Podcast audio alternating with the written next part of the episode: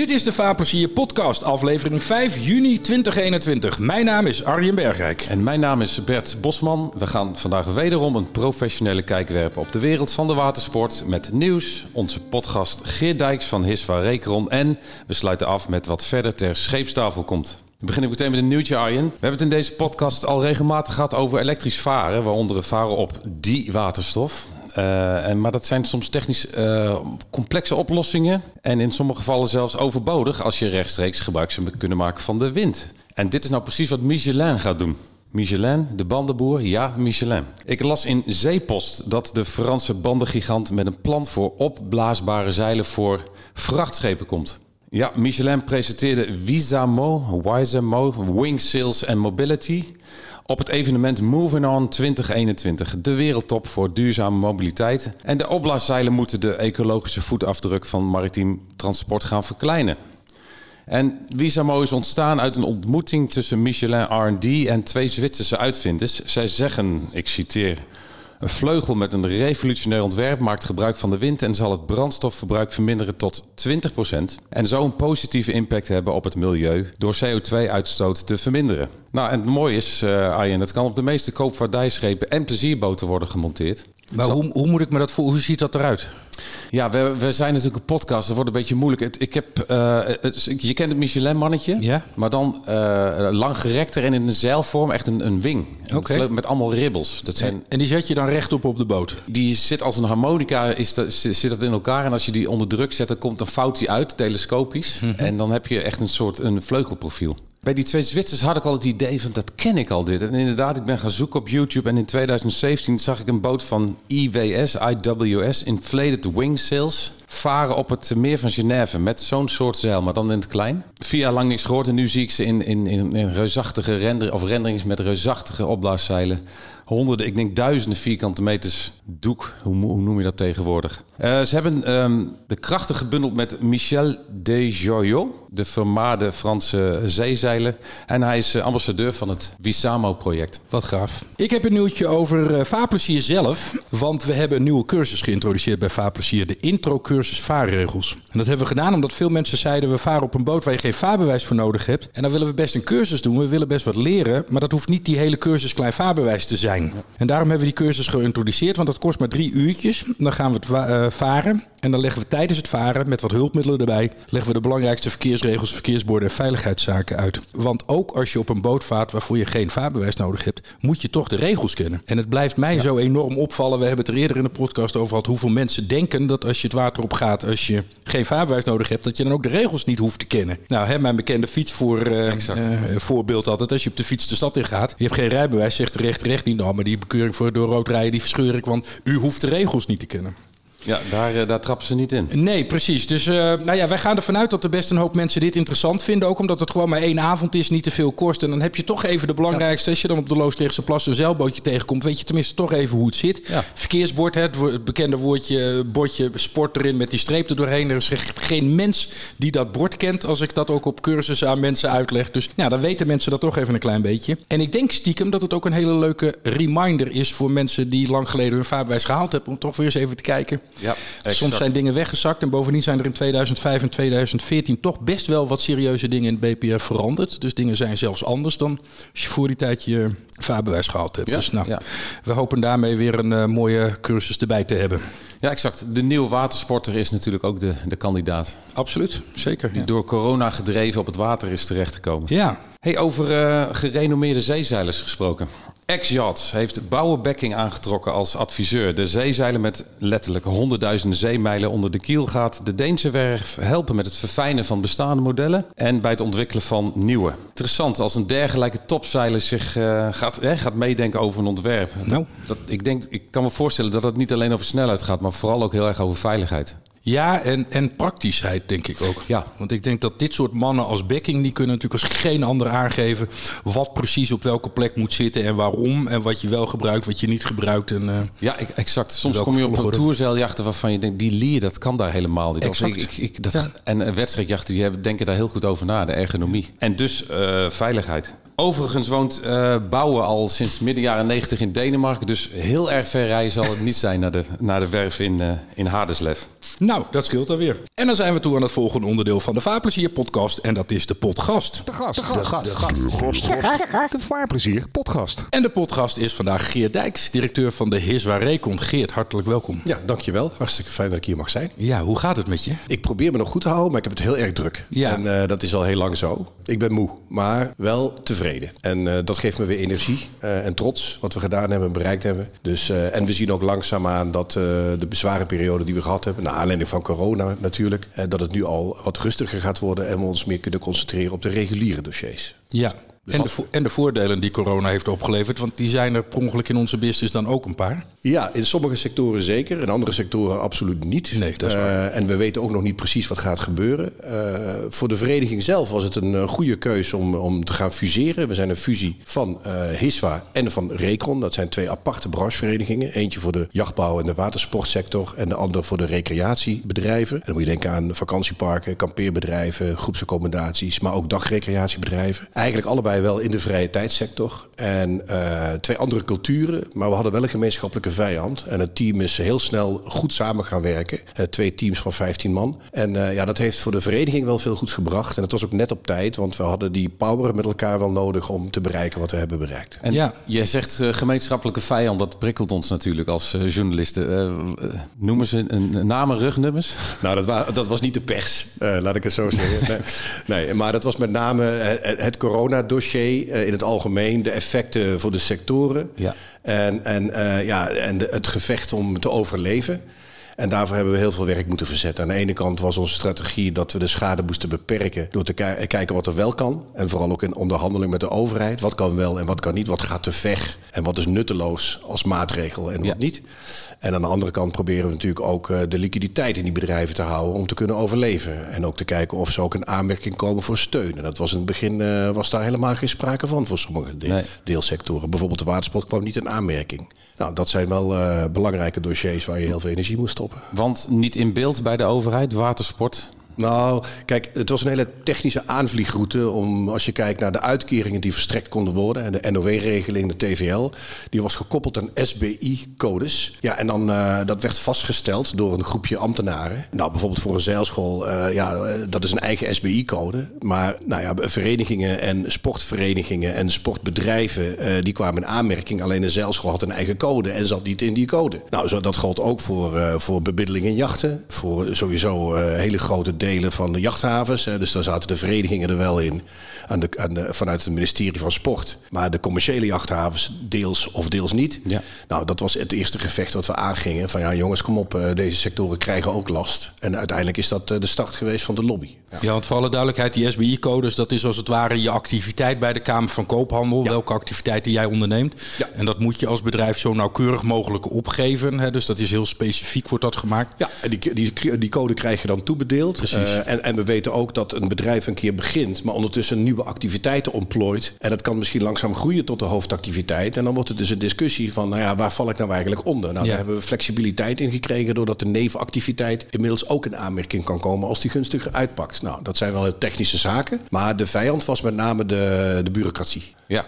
Ja, want bij de jachthaven speelde heel erg in jachtwerven, weet ik nog. Want ik, wij zijn natuurlijk heers wel lid. Het verhaal met de gedeelde voordeur, zal ik maar zeggen. Hè. Dus als het bedrijf op hetzelfde adres als de eigenaar gevestigd was... dan kwam je dus niet in aanmerking, want dan zou je zogenaamd geen vaste lasten hebben. Ja, dat is, dat is nog steeds wel een probleem. Ook bij bijvoorbeeld eh, makelaars eh, in huizen die ook aan huis een kantoortje hebben. Reisbureautjes, de kleinere familiereisbureautjes. Ja, dat zijn hele lastige zaken. En eh, daar hebben we op geacteerd. Dat geldt trouwens ook voor campings. Dat begint vaak als een boerderij met een paar standplaatsen. En het adres eh, van, van die boerderij is tevens de ingang van de camping. Nou, dat zijn ingewikkelde discussies. Maar eh, per saldo denk ik dat we er eh, redelijk uit zijn gekomen met de maatregelen. Het probleem is nu alleen dat, dat het langzaam wordt afgebouwd. En we krijgen nog een kwartaaltje erbij. Maar zeker in, in de jachtbouw zou het nog wel eens kunnen zijn dat er een na-effect is. En dat de schade nog na gaat komen hierna. wegens het opdrogen van sommige orderportefeuilles. En Ja. dat betekent in dat geval dat je dan moet kijken. Ja, waarom zouden we die maatregelen dan niet verlengen voor die bedrijven die alsnog een effect hebben van corona? Uitgesteld effect. Want daar kunnen ze natuurlijk ook niks aan doen.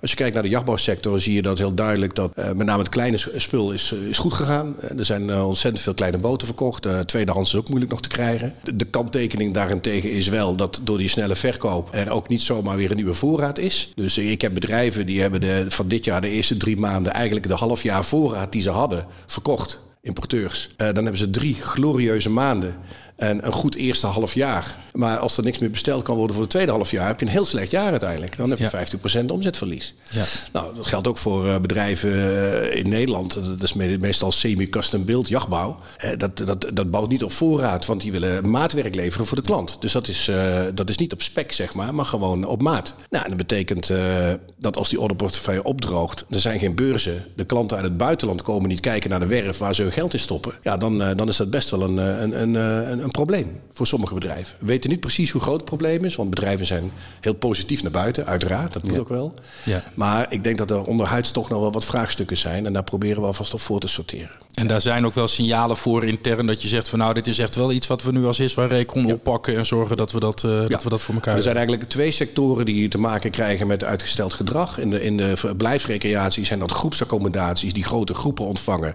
Want die reserveren meestal wel maanden vooruit. En als zij het moment wat ze elk jaar doen, zoals scholen, overslaan, dan ben je meteen een jaar verder. Dan zit je al diep in 22. Nou, dat geldt daarvoor. En, en uh, ja, ik denk, in een stuk van de importeurs en jachtbouwers zou er sprake kunnen zijn van uh, uitgestelde ellende. We weten het alleen niet zeker. We zijn het voorzichtig aan het bekijken en onderzoeken. Kijken of we het kunnen kwantificeren. Ja, ik, ik heb in deze podcast wel eens uh, als nieuwtje gehad dat jullie naar de kwartaalcijfers en naar cijfers vragen naar bedrijven. Geeft dat al een beeld van wat er komen gaat al? Uh... Nou, dat, dat, dat, dat, hebben we net uitgezet. Ik zag dat in een eerdere podcast jullie al spraken als nieuwtje dat die conjunctuurmeting was uitgezet. Ja. Uh, we zijn nog steeds, we zijn, we zijn er nu aan het afronden. Ja, on, ondernemers hebben vaak, en dan merken we in de watersport toch wel wat moeite om enquêtes in te vullen. Het is ook helemaal niet leuk. Dat zijn dan twintig vragen. En ik kondigde ja. nog aan dat het ja, maar een paar minuten duurde. Ja. Het duurde maar, het duurde maar heel bij, maar je moet het gewoon wel even doen. Dus we zijn enerzijds nog aan het reminden. Wat we wel hebben is dat we, we hebben een, een, een service level agreement met een tussenpersoon die de CBS-gegevens op kan vragen per bedrijf van omzet en werkgelegenheid. En die kan dat op, op groepsniveau, dus op uh, bedrijfsgroepsniveau, jachtbouw en importeurs en zeilscholen, kan die dat uh, clusteren. En die informatie, die samengestelde informatie, dus niet individuele informatie, die komt ook naar ons toe elk half jaar. En dat is, maar dat is terugkijken, dat is niet vooruitkijken. Ja. We proberen ja. aan te vullen met een blik vooruit. Ja. Nou, zullen watersportbedrijven het ook een beetje druk gehad hebben? Ik heb toevallig net de afgelopen periode een roadshow gedaan. We hebben een hele mooie poster die ik je straks laat zien. Die hebben we door het land rondgebracht bij watersportbedrijven. En uh, waar ik ook kwam, het zweet soms allemaal op het voorhoofd uh, als ik binnenkwam lopen. En dan kon ik even twee minuten mijn verhaaltje doen. En dan ja. moesten ze gauw weer allerlei dingen doen. Ze hebben het druk, klopt. Ze hebben het hartstikke druk. Geert, we gaan zo meteen heel uitgebreid over de Heerswaar Recon en de met name watersportbranche. Want Vaarplezier, de podcast, gaat natuurlijk heel erg over de watersport. Maar ik wil even terug naar jou. Um, ik weet dat jij zeilt. Uh, jij bent vorig jaar op 1 januari directeur geworden van Heerswaar Recon. Ja. Dat was, daarvoor was je directeur van de Heerswaar. Ja. En op het moment dat jij directeur werd, uh, tweeënhalve maand later, stortte de wereld in elkaar. Ja, dat, ja ik, ik, hoop niet dat het door mij komt. Nee, nee het was, dat was ook eerste... niet wat ik suggereerde overigens. Nee, nee, okay. nee, na de eerste honderd dagen uh, werk uh, ja. was ik betrokken bij het informeren van de rijdirectie dat Rutte de uitzending net in de uitzending was. Met als gevolg dat we daar ter plekke die beurs moesten sluiten. Ja, ja. dat, dat was een brok in mijn keel. En dat was een zwaar moment. Natuurlijk ook voor het rijteam en voor alle exposanten. Ja, vanaf die tijd was het gewoon non-stop aan de slag. En ja, het was een bijzonder moment. En vervelend moment. Uh, alle alarmbellen gingen af. Toen zijn we in een standje uh, oorlog gegaan. In de zin van, nou ja, wij moeten nu gewoon voor vechten voor die leden. En uh, we, zijn, we hebben meteen uh, weekendhulpdiensten geopend, uh, weekendledenservice, 15 man bij elkaar, elke twee dagen vergaderen, ook in het weekend, om gewoon de start te maken met hoe gaan wij aan de slag. Nou, dat was natuurlijk een, een, aan de ene zijde een slechte start. Aan de andere kant denk ik dat de leden blij waren dat we inmiddels de kennis van twee partijen bij elkaar konden brengen. bij, bij Recon zitten ontzettend goede beleidsbeïnvloeders, zowel regionaal met een sterk team. Hiswa had dat ook, maar Recon had een wat groter team in de regio. Nou, dat betekende dat we binnen no time bij die directeuren van die veiligheidsregio's en die bestuurders op de stoep stonden. Nou, er zijn weinig branches die dat kunnen. Dat is de kracht van Recon geweest. Recon heeft een lobbyist in Den Haag zitten, een goede. Nou, en samen met de kennis van onze managers, eh, specialisten, hebben we gewoon alles bij elkaar gegooid. En we hadden ineens twee mensen die zich bezighielden met sociaal beleid. En die zaten diep in die NOW-regelingen. Want die zijn thuis in die wereld van eh, personeel en uh, arbeidsvoorwaarden en kosten en, en nou ja, hoe je dat allemaal moet regelen. Dus een zegen eigenlijk wel voor de leden om samen nu te gaan, te gaan werken in deze organisatie, juist op dit moment. Dus wat dat betreft kwam die fusie ook eigenlijk precies op het goede moment. Ja, nou ja, ja. net op tijd waren we. Ja, ja, inderdaad, klopt. Wat dat betreft ben ik. Sorry. Nee, wat dat betreft ben ik trots dat ik van een van de drie leden geweest ben. die uh, op de, de, de soort ingelaste ledenvergadering. omdat je wist dat je daar niet in één keer die visie kunt doen. Uh, gestemd hebt voor en ook op de andere voor. Want de echte ja, leden. een soort groepie, hè? Jij kwam gewoon naar die vergadering. Sowieso. En, en uh, dat hadden we nodig, omdat zo'n besluit tot fusie. daar, daar gaat wel wat overheen. We hebben in 2019 het hele jaar gewerkt om die fusie tot stand te brengen. En daar hoorden ze ook leden betrekken bij. En, nou, maar je merkt dat de opkomst bij de tweede en de derde vergadering laag was. En ik, ik veronderstel dat er zoveel vertrouwen was dat ze niet hoefden te komen. Maar goed, jij zorgde er wel voor met een paar anderen dat we genoeg uh, stemmen hadden om het besluit door te laten gaan. Wat, wat was er jouw reden om voor te stemmen? Jij hebt het, eh, je had het gevolgd, het proces? Ja, ik heb het heel goed gevolgd. Wij waren overigens nog niet zo heel lang, want ja, Vaarplezier bestaat überhaupt nog natuurlijk niet zo vreselijk lang. Dus we waren ook nog niet zo lang uh. Ja. Maar ik kende Geert natuurlijk al wel um, uh, veel langer. En ik kende ook de Heerswal al veel langer. En ik vond de argumenten die ze aandroegen en die eigenlijk nu ook in de coronacrisis naar voren zijn gekomen, dat die twee organisaties bij elkaar opgeteld 1 plus 1 plus is 3 geworden is. Want uh, wat Geert daarnet zei, dat hebben ze ook vaak gecommuniceerd en voorbeelden van laten zien in de communicatie naar de leden toe, is dat de Recon zo sterk was in Den Haag dat daar direct met Kamerleden gesproken kon worden. En dat zou de Heerswij in zijn eentje of Recon in zijn eentje toch gewoon minder krachtig voor elkaar hebben kunnen brengen. Nou, we hebben, kijk, eigenlijk is het zo dat de gasvrijheidseconomie in Nederland is, is belangrijk. En dat bestaat uit 16 uh, organisaties die samenwerken. Dat zijn de vertegenwoordigers bij elkaar. 1 op de 13 banen in Nederland is in die gasvrijheidseconomie. En dat gaat van horeca en hospitality tot watersport en recreatie. Maar dat geldt, er zit een stukje cultuur in. Eigenlijk alles wat met vrije tijd te maken heeft. En uh, het gaat om meer dan 90 miljard. Dat is bijvoorbeeld net zo groot als de hele bouwsector in Nederland. En veel groter dan de landbouw. Ja. Alleen dat zien mensen niet, omdat uh, het gaat om vrije tijd. Dus het zal wel geen economie zijn. Maar het is één van de grootste economieën ja. in Nederland. En wereldwijd 1 op de 10 banen is in toerisme recreatie. Nou, uh, de grootste partijen zijn nu uh, Horeca Nederland, met, met, met uh, 20.000 leden.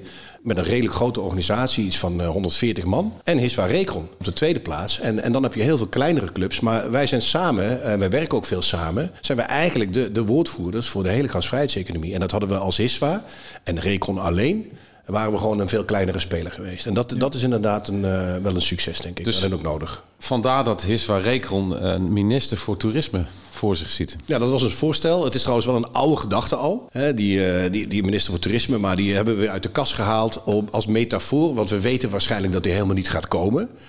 Maar het is een metafoor voor, uh, jongens, de sector is belangrijk en groot. Het is een economie en we horen nog niet eens bij de topsectoren. Dus wij willen veel meer aandacht voor toerisme. Uh, Mona Keizer, uh, die hebben we maar dan minister voor Toerisme genoemd, of staatssecretaris in dit geval. Eh, zij gaat waarschijnlijk helemaal niet terugkomen. Dus we hebben ook een vacature opgesteld uh, als sector. We hebben een in inwerkprogramma gemaakt. We gaan uh, een overdrachtsformulier bespreken met Mona Keizer binnenkort om het over te dragen aan de nieuwe minister of staatssecretaris Economische Zaken. En nou ja, op die manier willen we gewoon samen met, met al die partijen kijken of we in ieder geval de toeristische sector wat beter kunnen borgen. Want het is eigenlijk weggedecentraliseerd bij de provincies. Het, de watersport is eigenlijk een onderdeel geworden van openluchtrecreatie. Dat hoort onder natuurbeleid en dat is gedecentraliseerd naar provincies. Versnipperd over twaalf provincies die niet goed met elkaar praten over ja. landelijk toerisme en recreatie. En dat, daar willen we een stuk nationale regie op krijgen. Want uh, de toerist houdt zich, en de watersporter ook niet, houdt zich niet aan provinciegrenzen. Die kent ze nog niet nee, eens. Gelukkig niet. Nee, nee dat en, niet. En bovendien ligt er natuurlijk allerlei water. Ik, ik, ik, denk nu meteen aan de randmeren. Dat ligt natuurlijk tegen allerlei provincies aan meteen. Het IJssel, IJsselmeer ligt... Zes provincies. Ik, en, en daar moet je dan chocola van maken. Ja. Want Noord-Holland zetten windmolens liefst aan de grenzen van haar, van, op het water. Ja. En Friesland ook. Ja. En uh, dan komt het allemaal in het midden van het IJsselmeer terecht. En dat, dat moet je dus keren. En uh, ja, dat zijn hele grote problemen en uitdagingen die we hebben voor de sector. Heel saai werk vinden sommige mensen. Ondernemers ja, de natuur en, en beleid en waterbeleid. Is allemaal heel ingewikkeld. Maar iemand moet het doen. Want Nee, anders is gaat het super fout. belangrijk, ja. Want we hadden het al over de bevaarbaarheid van de Noordzee. Maar IJsselmeer begint ook aardig eh, Vol te dicht te slippen. Zo op die Ja, manier. ja, ja. Geert, ik heb een vraag. Eh, jij komt dus midden in, de, in als verse directeur uh, Hiswa Rekon in die crisis terecht. Is dat iets dat bij jou past? Is dat, uh, is dat, jij, jou, dat jasje past jou wel? Ja, ik denk het wel. Ik ben uh, ja, redelijk praktisch ingesteld. Ik, uh, ik ben, kan snel in standje oorlog van... nou jongens, we, hebben, we moeten dat doel bereiken en zo gaan we werken. Het kwam in het begin met een team wat militaristisch over.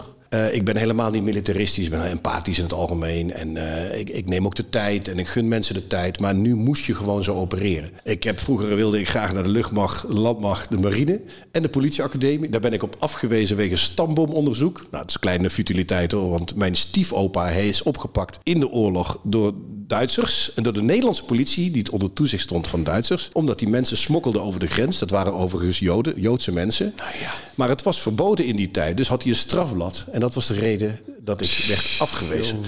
Maar goed, uh, dus die ambitie lag daar. En uh, ja, dat stukje ambitie wat ik toen had, uh, heb ik toch wel een beetje meegenomen nu in deze crisis. En dat werkte wel. En het werd ook juist gewaardeerd, omdat je nu gewoon ook echt gewoon snel moet acteren en, en met elkaar moet gaan samenwerken en heel snel communiceren. Ja, ik Dus heb zo'n plaatje voor me. Jij bent op oorlogspad als het ware. Er moet heel veel gebeuren. Ja. En dan kom je op een ministerie en dan... Moet je geduld hebben. Ja, precies. Dat zie ik dan een beetje voor me, die energie die je uitstraalt. en dan... Nee, maar dat is dan daar de balans zoeken tussen uh, zorgen dat je enerzijds ambtelijk mee kunt praten, maar toch het geluid van die ondernemer, uh, juist de praktijk laten zien en niet dat blasé verhaal en, en bla bla. En uiteindelijk toch een streep trekken en zelfs ook gewoon zeggen, jongens, tot hier en niet verder. Ik zoek het hoger op. Uh, of ik ga naar de politiek, of ik ga naar de Kamer. Je hebt een soort koninklijke route te bewandelen. En je begint bij de ambtenaar. Kom je daar niet verder, dan ga je naar de hogere ambtenaar of naar de directeur. Ja. En daar kondig je aan, als ik niet verder kom, dan ga ik naar de staatssecretaris. En anders ga ik naar de politiek. Nou, dat kost tijd, maar het kan ook heel snel gaan. En uh, nou, dat zijn, uh, ja, de, de, die route kennen alle lobbyisten wel. En de pers kan je natuurlijk ook nog bijhalen. En je kan nog een rechtszaak beginnen. Uh, maar dan, dan, dan ben je eigenlijk al te ver. Want als je, als je naar de pers moet gaan en een rechtszaak beginnen... ja, dat is het laatste van het zeg maar, koninklijke traject wat je moet doorlopen. Dan is het ook wat minder koninklijk inmiddels. Zo. Ja.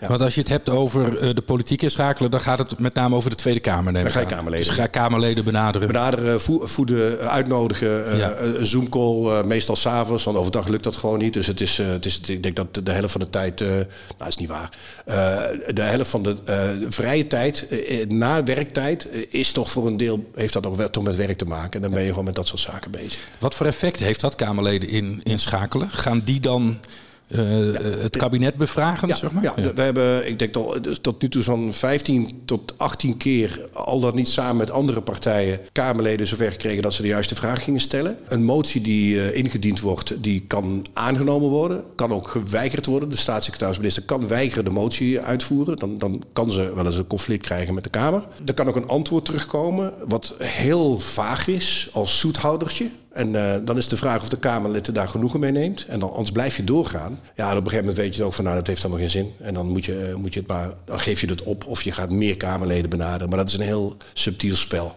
Het is ook geen garantie. Uh, Kamerleden moeten heel goed gevoed zijn. Want als er een slimme antwoord komt van de minister meestal uitgewerkt door slimme ambtenaren. Hè, die kan zoveel munitie uit de kast halen dat zo'n Kamerlid zegt: Ja, ik sta met mijn mond vol tanden. En ja, die kan dan in de Kamer kunnen wij niet meepraten. We zouden het liefst naast hem willen staan. Van, nou, dan moet je dit vragen of zeggen. Beetje influisteren, ja. Nee, nee, nee. nee, dus dat is wel een, een, ingewikkeld spel. Maar we hebben wel wat successen bereikt. En, en in het politieke spectrum, het politieke spectrum uh, van links tot rechts georiënteerd, uh, watersport, hoe, hoe verhoudt zich dat? Zijn, zijn, zijn progressievere Kamerleden een eerder geneigd een luisterend oor te leggen? Of, of... Ja, daar heb je wel verschil in. Uh, tussen ook wat links en rechts. Hè. Het beeld van de watersport is toch van ja, joh, die mensen moeten, allemaal niet, die mensen moeten niet zeuren. Het zijn allemaal rijke lui. Het is Ja. een luxe probleem. Ja. En ze, ze, er- ze erkennen of herkennen niet altijd dat het ook een watersporteconomie is. En als je dan de jachtbouw erbij haalt en de trots en de maritieme wereld, dan snappen ze het beter. En dat moet je echt goed duiden. Dat geldt ook voor eh, ja, kamperen ja, dat is dat, en, en recreatie. Je moet echt duidelijk maken dat er, dat er ontzettend veel mensen in werken. En dat er heel veel mensen met plezier werken. En dat het ook laaggeschoold werk is, wat belangrijk is voor de, eh, Kamerleden aan de linkerkant. En dat het eh, ook gezondheid en welzijn is voor heel veel mensen is dat ook weer belangrijk, heel veel Kamerleden. Dus je moet alle aspecten van die sector uit de kast halen om al die politieke partijen erbij te krijgen. En daarom spreken we ook een andere taal met iemand van de linkervleugel dan iemand van de rechtervleugel. Dan gaan we meer op ondernemerschap zitten, rendement en, uh, en, en toekomst en, en uh, liquiditeit. En, en aan de linkerkant zitten we toch meer op ja. nou, werk voor mensen, hè, laagbetaalde banen, veel banen, gezondheid, welzijn, belangrijk. En, en zo proberen ja. we dat spel te spelen. Geert, heel veel uh, watersportbedrijven zijn seizoensgebonden. Is dat in de crisis een voordeel of een nadeel gebleken? Ja, als het gaat om de, de tegemoetkoming en de kosten, die TVL, is het een nadeel. En dat heeft te maken met de techniek van hoe berekend wordt wat je krijgt. Uh, bijvoorbeeld de vaste lasten van een bedrijf zijn in het algemeen per maand ongeveer hetzelfde. Zeker als je bijvoorbeeld uh, heel veel uh, vastgoed hebt, dan heb je gewoon 12 maanden dezelfde kosten. Nou, eh, als je dan in bepaalde maanden een heel lage omzet hebt, dan haal je niet die grens om überhaupt in aanmerking te komen. En in het hoogseizoen haal je heel makkelijk de grens. En dan is het bedrag wat je per maand of per kwartaal dan binnenhaalt ook heel hoog. En dan is dat percentage uitkering daarmee ook absoluut hoger, een hoger getal. En dat, dat, dat hebben we bijna niet eruit kunnen krijgen. We wilden dat, dat, gewoon, dat er een soort uh, mogelijkheid was om zelf een keuze te maken over periodes. Dat is deels gehonoreerd in een later stadium, maar dat is, dat, dat is niet gelukt. En, en dat heeft echt te maken met computer says no. We hebben het ingericht in het systeem. De uitkeringsmachine draait. Als wij daarin in gaan veranderen voor zulke grote groepen leden, bedrijven, dan, uh, dan gaat het fout. En dan krijgt niemand meer wat. Geert, we hadden het net over Kamerleden. Uh, ja. Jij kwam net binnenlopen met twee hele leuke uh, kleine dingetjes. Een sleutelhanger met daaraan Hiswa Recron stickertje erop. En dit is zonnebrand. zonnebrandcrème. Wat hebben jullie hiermee gedaan? Nou, we hebben uh, natuurlijk uh, we hebben verkiezingen gehad. We weten ook welke Kamerleden inmiddels uh, waarschijnlijk het economische dossier gaan oppakken. Daar zit toerisme en recreatie op dit moment onder. En dan is het zaak dat je meteen al voor later contacten gaat leggen met die nieuwe Kamerleden. En aangezien wij een uh, leuke sector zijn waar vrije tijd je werk is, uh, bedachten we ook van nou, dan moeten we ook iets leuks doen. Dus we maken zonnebrandcrème uh, van Hiswa Recron met een verwijzing daarbij. Er hing een kaartje aan. Kijk op www.hiswarecron slash minister voor toerisme. En, de, de, de, het metafoor is dus dat we graag iemand willen hebben die, die, zeg maar, die sector serieus neemt en ook omarmt om te kunnen herstellen de komende jaren. Daar hebben we ook steun voor nodig en aandacht. En zonnebrand is natuurlijk een mooie metafoor voor de sector waar je lekker in je vrije tijd buiten kan zijn. Ja. Zeker in onze sector kun je buiten zijn. En ja, de, de dresscode in watersport is eigenlijk alleen maar... wat heb je nodig? Zonnebrand en een zonnebril. Nou, misschien nog een pet kan anders zijn, maar ja. dat meer heb je eigenlijk niet nodig. Nee. De rest is vrij in te vullen. En ja. zonnebrandcrème beschermt je? Beschermt, uh, beschermt je. Nou, het beschermt misschien ook uh, onze leden een beetje. Uh, dus nou, dat is een beetje de gedachte erachter. Ja, ik vind hem echt leuk bedacht. Ik denk ook wel dat die, dat die als metafoor goed aanslaat. Dat denk dan, ik ook. Ja, ja kan nee, we hebben ook positieve reacties. Uh, we gaan die Kamerleden worden nu uitgenodigd op een bijeenkomst. Okay. Uh, dat noemen we het inwerkprogramma voor die Kamerleden. Dat doen we samen met uh, al die andere partijen in de gasvrijheidseconomie. We hebben veel aanmeldingen. En dat doen we op het juiste moment. Dat is zeg maar de, het moment vlak voor het weekend. op weg naar huis, dan komen ze langs.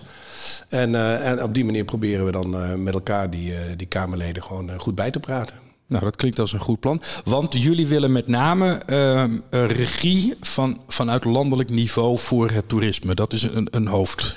Ja, het is nu zo dat het heel versnipperd is. De, de, de watersportsector is dus een onderdeel van openluchtrecreatie en is weggedecentraliseerd met natuur. Verblijfsrecreatie is eigenlijk één, één ministerie die zich daarmee bezighoudt. En dat is eigenlijk Binnenlandse Zaken en Justitie samen, maar meer vanwege ondermijning op uh, foute vakantieparken. Ah. En dus da daar hebben we een aanspreekpunt, maar dat aanspreekpunt willen we niet, want wij ja. willen dat onze leden daar niet onder vallen en die vallen daar ook niet onder, want dat is een beetje het kwaliteitsbeleid van Recron. Ja.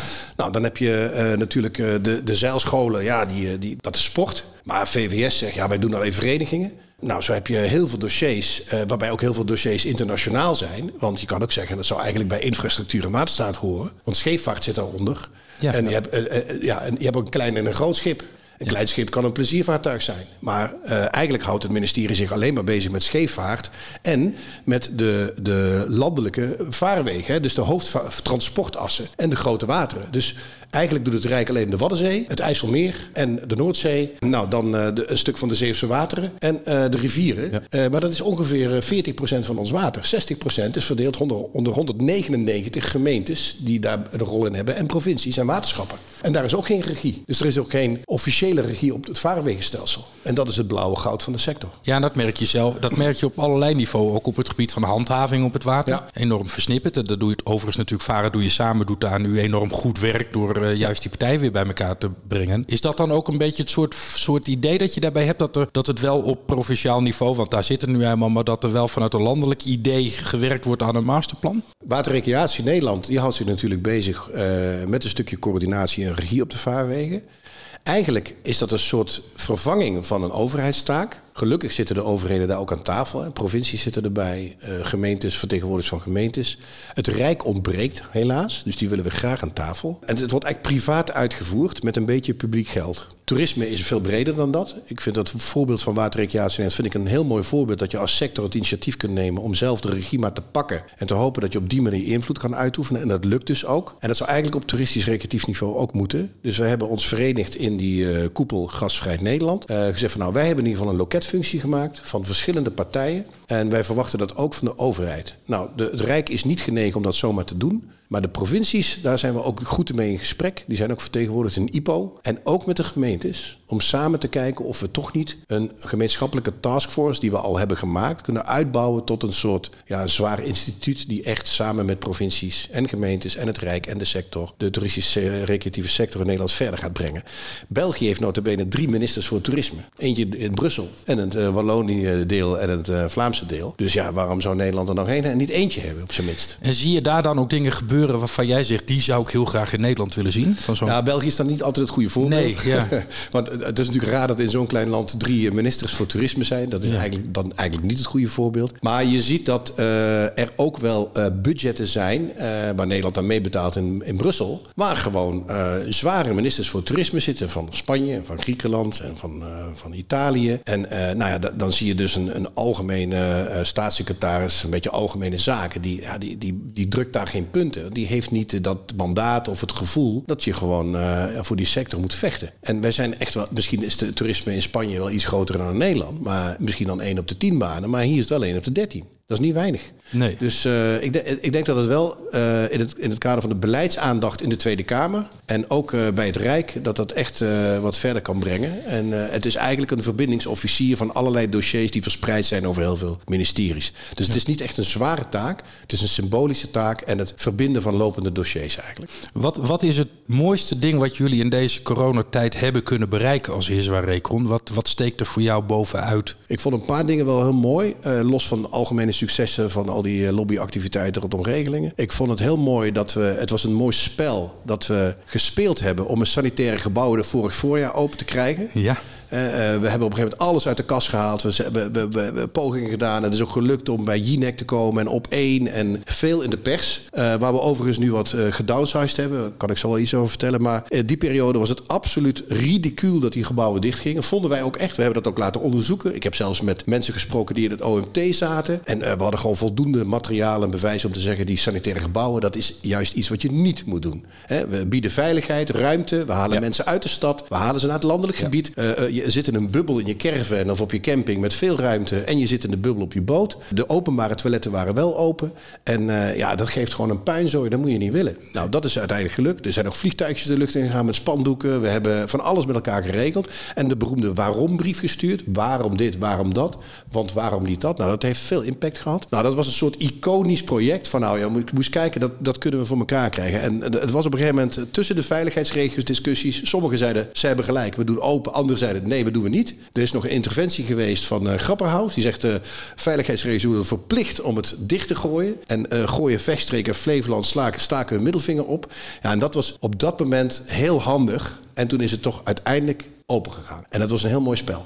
En het was echt een politiek spel. En dat, dat was in het belang van de leden. Ja. En dat was absoluut niet gelukt als jullie niet als, als Hiswa Recron organisatie daar heel hard tegenop. Dat denk ik, dat denk ik niet. Dat, dan had niemand dat opgepakt. Nee. Uh, en uh, we wisten ook, we hadden volgens mij uitgerekend, het kostte een, een anderhalf miljoen per dag dat de sanitair niet open gaat. hadden we ook uitgerekend. Maar we waren vooral succesvol vanwege die nauwe banden met die veiligheidsregio's. En we hebben hele relatief strenge protocollen geschreven, ook voor sanitair. Ook met CSU, zo'n schoonmaakbedrijf die heel diep diep in die sector zit en heel veel, dus heel veel kennis erbij gehaald. En dat werd wel heel erg gewaardeerd door heel veel uh, veiligheidsregels. Van nou, ze nemen het wel echt serieus. En ja, uh, dus daarom waren we een autoriteit geworden ineens. En dat was natuurlijk een heel mooi spel. Ja. Dat zijn we niet meer kwijtgeraakt. Geert, wat zie jij los van corona nu voor tendensen in de watersport? Welke dingen waren er al bezig eigenlijk voordat corona begon? En denk jij dat in de komende vijf jaar of misschien de jaren daarna gaat gebeuren? Ja, ik denk dat, dat, kijk, we weten allemaal dat we voor deze tijd zaten we enorm te stoeien met de vergrijzing in de sector. Het veroudering van het botenbestand. Uh, waarbij we echt zeggen, jongens, als er niks gebeurt, dan, uh, ja, dan loopt dat langzaam af. En dan zijn we over die curve heen en dan, gaat, er moet een innovatie komen of een impuls. Nou, die impuls is eigenlijk gekomen in de vorm van, uh, van corona in dit geval. Want uh, alles wat uh, gericht was op individueel bubbelvermaak ging de lucht in. campers, caravans, motoren, boten. Nou, en dat, dat stopt nog niet. Dus in potentie hebben we kans op nog veel meer groei. Ik denk dat het bekend is geworden, dat mensen het willen. En, uh, en, en, ik denk dat we daar heel erg veel van kunnen profiteren. Maar dan moeten we inderdaad zorgen dat we op die golf kunnen blijven doorsurfen. Ja. En dat die golf niet gaat breken op de oevers. En dat is natuurlijk meteen mijn volgende vraag. We hebben hem iedereen gesteld de afgelopen periode. We hebben er een hoop bootbezitters bij gekregen. Ja. Hoe gaan we van deze bootbezitters blijven de watersporters pakken? Wat is jouw idee daarbij? Ja, ik weet vrijwel zeker dat er heel veel mensen op opvaren die eigenlijk geen, in de kern geen watersporter zijn. Nee. Maar dat zijn echt waterrecreanten. Ik denk ook dat je de, een beperkt deel echt een watersporter kunt maken. met sloepen is dat al een discussie, is dat dan wel een watersporter? Ik merk wel dat de mensen uh, het heel leuk vinden. En zit ook in een bepaalde fase waarschijnlijk. Uh, de kunst is nu dat zij uh, zich ontwikkelen. Niet alleen door kennis te hebben. En jouw voorbeeld wat jij gaf hè, met dat uh, prachtige ingezonde persbericht. Dat, dat ja. is daar een heel mooi voorbeeld van. De intro-cursus vaarregels bedoel je? Ja, ja, ja, ja, ja, is een heel mooi voorbeeld. Want als je kennis hebt, krijg je vertrouwen en dan ga je het leuk vinden. Dan wil je meer weten. En dat is een hele belangrijke route. Maar je weet ook dat, dat mensen die met vooral wat een kleiner bootje... een heel beperkt vaargebied houden. En die varen een rondje. Ja. En de kunst is, ik weet niet hoe we dat precies moeten doen. Maar we moeten die mensen leren dat er heel veel en dat je jarenlang Nederland kan ontdekken met een boot. En dat het ook wel eens kan zijn dat die niet per se naast je huis hoeft te liggen, maar het kan juist leuk zijn om hem twee provincies verder te leggen. En dan kan je 12, 12 jaar lang minimaal genieten van die boot. Van diezelfde boot, maar dan een ander vaargebied. Ja.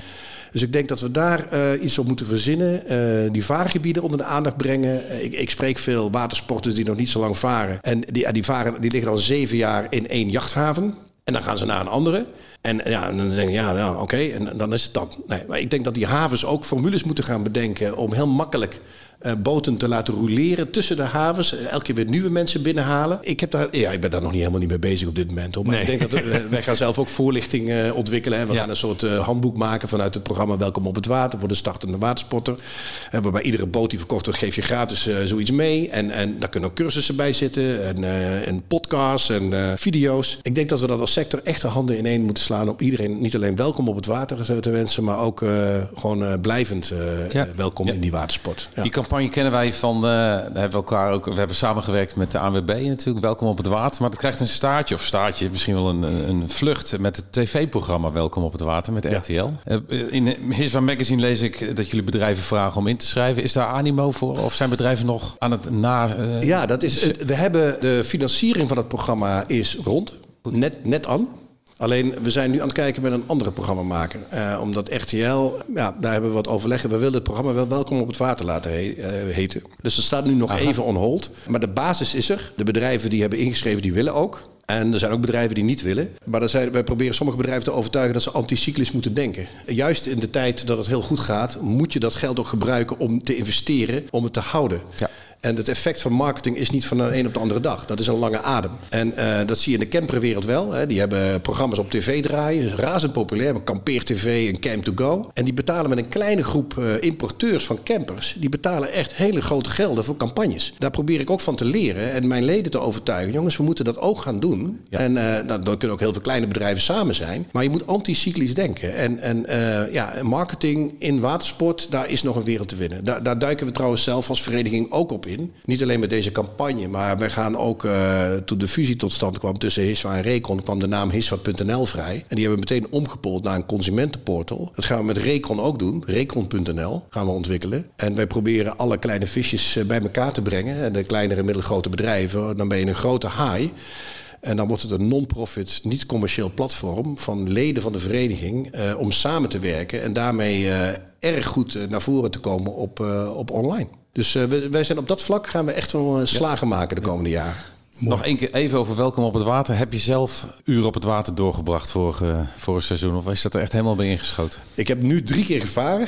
Dat is nog te weinig. Ik ga wel nu voor het, eh, dit weekend met mijn zoon eh, een keer weg. Die eigenlijk helemaal niks heeft met watersport. Die vindt het maar saai in die boot. Dus eh, ik ben blij dat hij met mij een, een keer gaat. Wel kort, alleen maar naar Eiburg vanuit Muiderzand. Maar een klein stukje. Verder niet hoor. Maar dat heb je vorige week of twee weken geleden ook gedaan zo. Ja, ja, ja, maar dat, dat- vond hij dan lekker dichtbij. Hij Ja. wilde niet naar Enkhuizen, allemaal veel te ver. Dus kleine stukjes. En eigenlijk is het alleen om met mij op pad te gaan. Maar eigenlijk hoeft het voor hem niet met een boot. Dat vind ik jammer. Maar goed, het is nu helemaal zo. Ik ga daar ook niet op zitten verder. Hij is een skater en hij heeft andere hobby's. En Ja. hij heeft inmiddels een vriendinnetje, dus daar heeft hij ook druk mee. Ja, en met skate heb jij weer minder. Vroeger wel. Ik was vroeger voorzitter van de skateboardclub. Ah, maar dat waren de eerste skateboards eh, die er toen waren. Die waren van die gele plastic Ja, ja. dingen van de, van de Bart Smit. Ik, vorig jaar heb ik... eh, ja, ik, ben, ik ga gewoon... De afgelopen jaren ben ik elk jaar in Nederland op vakantie gegaan. Drie weken Friesland, eh Waddeneilanden. Heerlijk. Je hebt een zeilboot, hè? Voor Ik, heb, ja, ik ben een recreant, hè, Ja. dus ik, ik zeil. Ja. Eh, maar ik ben geen watersporter. Ik haal trouwens wel, hij doet het wel heel goed. Oké. die boot. Dat moet ik echt zeggen. Het is, eh, soms denk ik, nou, dan komt er een winnaar aan. Nou, een scherp bootje, maar die haal er gewoon in. Kijk. En dan doe ik niet mijn best, hè? Oh, dat is mooi, Ik, dat is eh, mooi. ik heb gewoon een... eh, ja, ik heb, een, ik heb gewoon een, een 30-voeter. Catalina 30. Oh ja. Eh, 1980. eh, refurbished, zeg maar. Dus hij ziet er strak uit. En eh, ja, het is gewoon een hele lekkere, brede, eh, comfortabel boot. Top. Ja. Nou, we gaan het zo nog even over eigen boten hebben. Dan heb ik daar ook nog een vraagje aan jou, Geert. Maar we gaan eerst even naar het vaarplezier veiligheidsfeitje. En dat is deze keer: een zwemvest is geen reddingsvest. Een zwemvest heeft 50 newton opdrijvend vermogen. Een reddingsvest heeft 100 newton of meer opdrijvend vermogen. En als je van de wet een vest moet gebruiken, dan is dat altijd een reddingsvest. Dus 100 newton of meer. Het vaarplezier veiligheidsfeitje kun je ook nalezen op ons Twitter-account, eh, het Vaarplezier Podcast. En dan zijn we nu toegekomen aan wat verder ter scheepstafel komt. Wij nodigen alle luisteraars uit om te reageren op de podcast. Dat kan via podcast.vaarplezier.nl. Wil je iets kwijt, een reactie geven op de gast of op een van de nieuwsfeiten, laat het ons weten. Ja, en waar we het nu over gaan hebben aan de scheepstafel. Geert, ik heb een vraag aan jou. Hoe heet jouw boot? Tainui. Dat, is vast, dat heeft vast een betekenis. Ja, het zat er al op. En ik heb Oh. begrepen dat het heel moeilijk is om een scheepsnaam eh, te wijzigen. Dan heb ik opgezocht dat je ontzettend veel activiteiten moet verrichten. Met Ja, niet 36 best. rondjes draaien en drank en zo. Niet best. Het brengt Nee, niet ongeluk. best. Ja. En uiteindelijk dachten we, we laten hem gewoon staan. Eh Tainui is een Polynesisch kanovolk. Oké. Dat verzeild raakte in Nieuw-Zeeland. Eh, verdwaald en verweest eh, op de tocht. En eh, nou, daar is ook een dorpje wat zo heet. En daar is hij naar vernoemd, heb ik onderzocht. Geweldig. De man die hem had voor mij was, was een man die. dat was ook een waterrecreant. Ik, ik begreep van zijn vrouw, dat mocht, mocht, mocht, mocht ik niet zeggen tegen hem. Maar zijn vrouw zegt nog tegen, tegen mij toen ik hem kocht. Hij heeft het grootzeil nooit opengemaakt, alleen maar op de fok. hij heeft wel een grotere Catalina gekocht. Eh, dus dat was meer een caravan voor hem dan. Eh, en de eigenaar daarvoor heeft hem zijn hele leven gehad. En de dag voor zijn vertrek, want hij wilde met dat ding naar Californië varen, is hij overleden. Ja, en eh, toen heeft de familie hem verkocht aan, Ja. aan mijn voorganger. Dus Ja. het, het is, ja, ik ben de derde eigenaar. Juist. Ja. Nou, mocht je nou ooit nog eens een boot kopen en een naam moeten hebben, Ja. dan heb ik een leuke suggestie. We hebben namelijk op Facebook een actie gedaan. Dus wij hebben dat eens geprobeerd voor bootnamen. Hebben we tegen mensen gezegd op Facebook, voor de Vaarplezier Facebookpagina. De naam van je nieuwe boot, dat is de kleur van je sokken plus de voornaam van je moeder. Nou, en daar zijn mensen op losgegaan. Ik denk dat is een leuk geintje. Daar komen een paar dingen op. Daar hebben we meer dan 200 reacties op. Misschien zitten we wel aan de 250. Daar zitten dingen bij als Barefeet Fien, Purple Patty, Vaalwitte Joke, Blote Jannie en Regenboog Ank. Nou, dat zijn toch mooie namen. En toen kreeg ik een mailtje vorige week binnen van iemand die zei, die zei van Arjen, het is een leuke actie. Maar ik ga dit echt doen. Ik vind namelijk een leuke suggestie. En wat ik op dat moment moest invullen, dat klinkt namelijk echt gewoon als de nieuwe bootnaam. Dus ik mailde terug, nou wat is dat dan geworden? Hij zegt, dat ga ik je niet vertellen nog. Want ik ga echt mijn boot zo, eh, zo noemen. En als het dan klaar is, dan maken we er een foto van, stuur ik naar je op. Geweldig. Dus mocht iemand nog eens een keer zijn boot moeten vernoemen... en heeft hij geen idee hoe je, eh, wat voor naam je moet verzinnen... dat is dus de kleur van je sokken plus de voornaam van je moeder. Ja, nou, ik, ik zit even te kijken. Ja. Vandaag zou mijn boot uh, Zwarte Bonnie heten. Zwarte Bonnie. Of Black Bonnie. Black Bonnie. Ja, Black Bonnie, dat klinkt al meteen wel goed. Ja. ja. Hey, in de Vaarplezier podcast nummer 3 vertelde Herbert Schoenmakers ons, de, de, voorzitter van het Verbond Nederlandse Motorbootsport, dat er een aanpassing in de maak is van de wet die het lozen van vuil water door pleziervaartuigen uh, regelt. Ja. Herbert heeft het voor ons wat verder uitgezocht, want uh, daar zat wel het nieuws in. Waarvoor dank overigens, Herbert. En hij zegt. Hij informeert ons dat de regeling loze buiteninrichtingen, een aantal artikelen, een aantal artikelen handelt, over de zuiveringsinstallatie aan boord. Zuiveringsinstallatie aan boord, dus zuiveren, uh, mag dus aan boord van vuil water. Ja, dat mag. Ja. ja alleen uh, de apparatuur is nog niet geaccrediteerd. En dat zegt Herbert precies. En dat zijn uh, laboratoriumtesten die kosten zo een, een, ton per, per apparaat. Ja, dat gaat wel komen hoor. En ze zijn in ja. Amerika zijn ze er al. Alleen wat daar mag, mag niet altijd hier.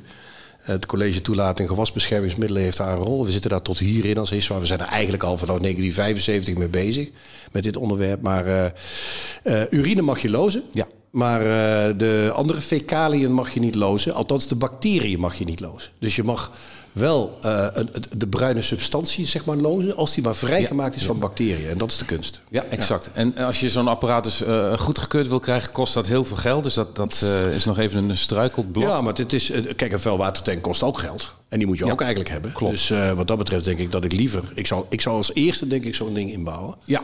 En ik, ik, ik zou, ik, die tank is natuurlijk, wil ik niet. En ik wil ook dat ook niet meeslepen aan boord. Dus eh, je moet er weer aanmeren. Ja. En uh, als je dat kan zuiveren aan boord en je moet een extra accu kopen en nog een apparaat van 2000 euro. Ik denk dat er heel veel mensen dan overwegen. Dan ja. laat ik dat dan maar doen. Ja, ja, dat is een prettiger idee dat je, dat, dat je van je rommel af bent. Uh, op, een, op, een goed, op een milieubewuste manier. Ja, dat denk ik ook. Op, nou, wat, op wat voor soort termijn heb je enig idee? Wanneer gaan dit soort apparaten beschikbaar komen? Laten we zeggen, binnen een jaar denk ik dat oh, er een kans okay. groot is. En, maar dan is er nog geen productie. Hè? Het moet natuurlijk geproduceerd worden. Ja. Uh, of de Amerikaanse toestellen moeten aangepast worden en snel geïmporteerd worden. En uh, er zijn nog niet echt partijen die zeggen: halleluja, ik ga de productielijn al opstellen. En ja. wanneer gaat dit in eigenlijk? Wanneer moet dit? Het valt onder de omgevings, omgevingswet, begrijp ik. En dat is dan weer uitgesteld tot uh, juli 2022. Ja, oh, oké. Okay. Dit is ook al eerder. De, deze motie is al veel eerder aangenomen. Ja. Eigenlijk had het al langer ingesteld moeten worden. Maar door die uitstel van die omgevingswet hebben we mazzel. Maar we hebben wel gezegd van nou. Uh, we willen ook uitstel van het besluit om verzegeling al nu toe te passen. Want dat is eigenlijk het voorstel, verzegelen. En dat kunnen we waarschijnlijk ook uitstellen tot het moment dat die uh, apparaten toegestaan zijn en in productie komen. Ja, het alternatief is nu verzegelen. Ja, en dan kan je niet meer lozen. Dat, dat wil zeggen het verzegelen van de buitenkraan die het afvalwater ja. naar buiten kan brengen. Ja, ja. ja, Met, een, met een zegel, misschien met een nummer erop. Ja, maar wat interessant is, want zeezeilers die buiten de territoriale water komen, die zeggen nou, ik, ik houd wel eventjes op uh, 12 mijl, 24 mijl en dan uh, Ja, maar dan is je zegel verbroken en dan moet je dus een nieuwe zegel aanbrengen. En uh, eigenlijk moet je dat doen voordat je de 12 mijl zone binnenvaart. Maar dat is niet iets te doen, want je mag het misschien niet zelf aanbrengen. Nee. Maar we willen wel dat mensen het zelf kunnen aanbrengen. Dus dat is een discussie die we nu hebben met de, met de overheid op dat onderwerp. Ja. Ja. Dus zodra corona een beetje gesust is, dan kunnen jullie met deze dossiers verder. Ja, het, het blijft allemaal shit. Ja.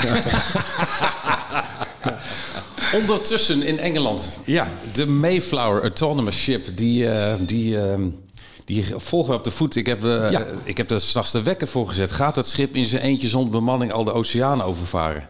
Ik heb de site openstaan, ik druk even op F5.